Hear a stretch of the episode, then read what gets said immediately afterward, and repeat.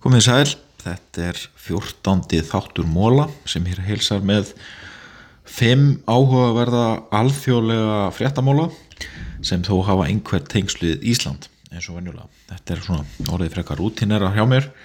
í hverju viku að koma fram með þessa fimm fréttamóla og, og fjalla um hvers vegna ég þótti þeir áhugaverðir og kannski líka svona hvert er samengið þeirra og, og hvernig þetta hefur byrst. Ég ætla að byrja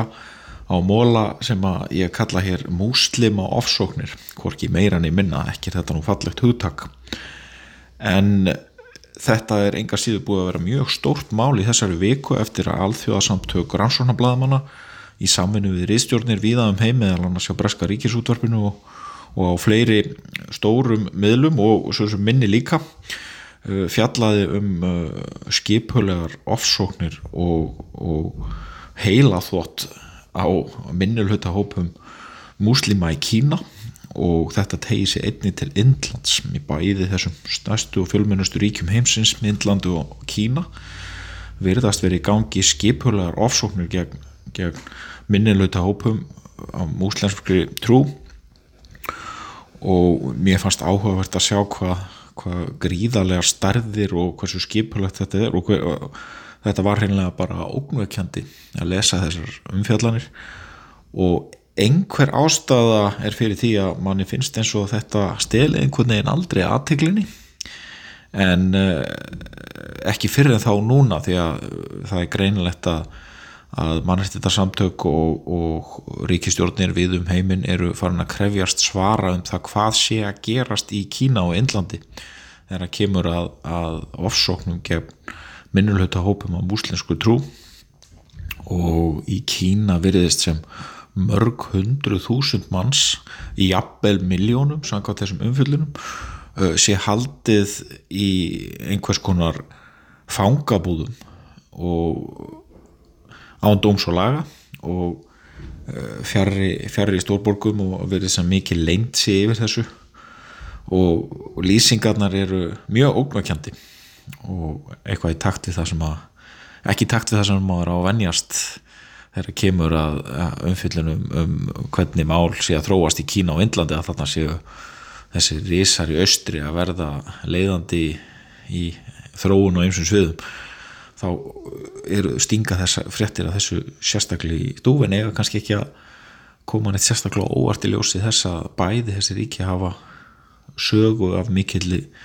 mikilli reitstjórn yfirvalda á öllum mögulegum þáttum. Og þetta það er ekki öll kurl komað til grafar enn en, en þessar þetta vakti aðtikli mína í þessari viku þessar muslima ofsóknir og umfjallar sem byggðust á, á leinilegum gognum sem að alþjóðasamtök rannsónarblaga menna byrtu í saminu við fjölmila við um heim. Móli nummer tvö er framhald á, á þessu hugtaki sem ég var með hér í síðasta þætti er peningaþvættið. En uh, lesendu kjarnas hafa nú séð þá undanföndu sex mánuðu með að svo að meira jafnvel að uh, reyðstjórin Þóruður Snar Júliusson hefur skrifað af mikli skerpu um peningaþvætti og hefur fengið mjög áhugaverð og afhjúpandi gögn sem hann hefur byggt umfjallanir sínir á. Og einnig fengið viðbröð frá hennu ofinbara ekki, það er ekki langt síðan að það var verið að neyta mjög miklu af því sem hann var að skrifa um um að það væri nú veikleikar í íslenska fjármánakefinu þegar að koma peningaþætti og, og uh, það hefur meðal annars átt sér stað peningaþætti í gegnum fjárfæstingarlegi Sælabankans, hann hefur fjallað um þetta bæði á ofinbella á ískrifum og í fréttaskýringum líka. Og uh, það sem að það sem að svona stendur svolítið upp úr að þessari umfyllun hjá, hjá honum og í kjarnanum er að er að það er eins og þetta sé toppurinn á Ísakanum og þetta samherja mál sem nú er komið upp og samherja skjölin sem að Víkilís hefur byrt og, og rannsóðunar núna konum fram á munu öruglega draga fram enn frekari veikleika á peningaþættis liðinni er að kemur að Íslandi og hvernig, hvernig, peningaþætti fer fram. Og mér finnst þetta að vera verulega áhugavert og í þessu samhengi og við höfum verið að ræða svolítið á reistjótt kjarnans er að er í rauninni bara hvernig, hvernig byrtist peningaþætti, hvað er peningaþætti maður hefur þá ímynd að þetta sé oft gert á mjög gamaldags það er, það er verið að rekka bíl á þóttastöð og það er auðvelt að, auðvelt að taka bara við reyðu fyrir og svo framvegis en þetta er aldils ekki þannig. Lýsingarnar á því hvernig er hægt að uppbreyta peninga þetta og hvernig það fer fram og það er bankar koma við sög og er í líkil stöðu fjármálarkerfin er í líkil stöðu við að rekja slóð peningana. Og norrænu bankarnir stóru hafa lendi alveg gríðalegum hremmingum vegna peningaþvættis og mín tilfinning er svo, nú bý ég að ta langt frá Íslandi, ég bý í Washington-ríki í Bandaríkjónum og, og er svolítið ómengaður af, af daglegri umræðu á kaffistofum þess vegna, en mín tilfinning er svo að það risti ekki djúft á Íslandi eða það átti sér ekki alveg á því hversu stór þessi peningaþvættis mál á Norrlundunum hafa verið. Uh, Danske Bank, Svetbank og Nordea og fleiri bankar eru enn til rannsóknar hjá yfirvöldum í mörgum löndum vegna grunns um stórfælt peningaþvætti frá, frá svarta hakkerfun í Rúslandi, Asíu, Afríku, Suður-Ameríku og víðar. Þetta eru alveg ótrúlegar tölur á við markvalda landsfæmislu í, í Danmarku til dæmis sem á að hafa farið í gennum útibú bankans í Íslandi, útibú danskjamakki í Íslandi og uh, útibústjórnir þar tveir þeir eru döðir, það er búið að drepa þá. Þannig að ekki munu þeir leggja neitt nýtt til. Alvara lífsins í þessu mál það, það er nú málið. Og ég held að uh, við Íslandingar höfum svolítið gott að því að, að, að fá smá hérna, reality check eins og þeir segja á ennsku varðandi þessi mál, við höfum bara einfallega gott að því. Við höfum að ræða, hvern, ræða það hvernig staðan er. Getur verið að hún sé jafnvel mun alvarleiri ég þekki til dæmis ekki marga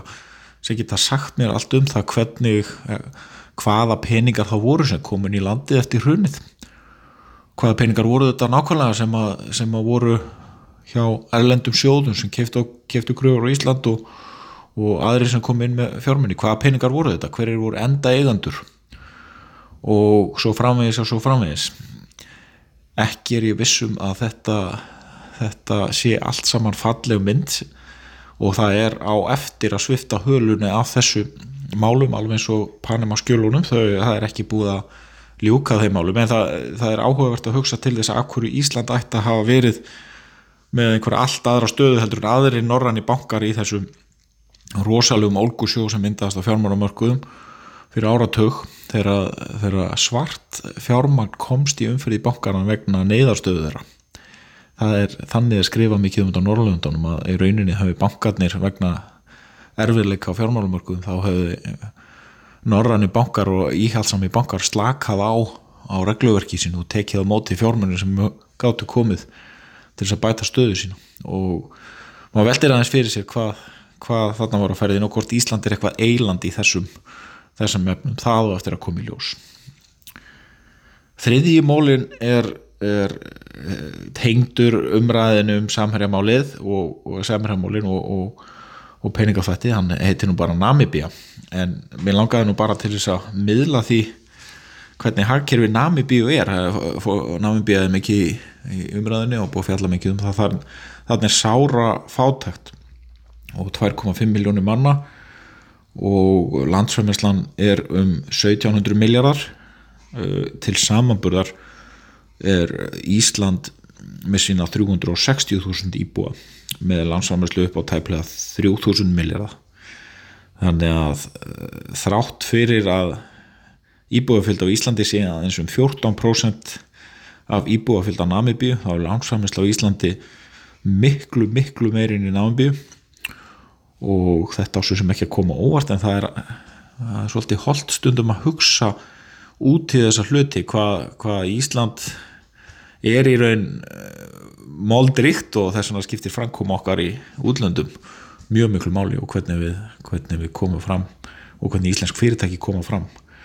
Þetta er eitt af því sem hefur ekki komið óvart að hefur verið svolítið svolítið umræðinni að hérna, við vorum að veita þróunarnast og það ekki getum ekki komið fram hvernig sem er. Fjórðimólin er Kína og Ísland og framhald á því ég verið að tala stundum um Kína. Kína er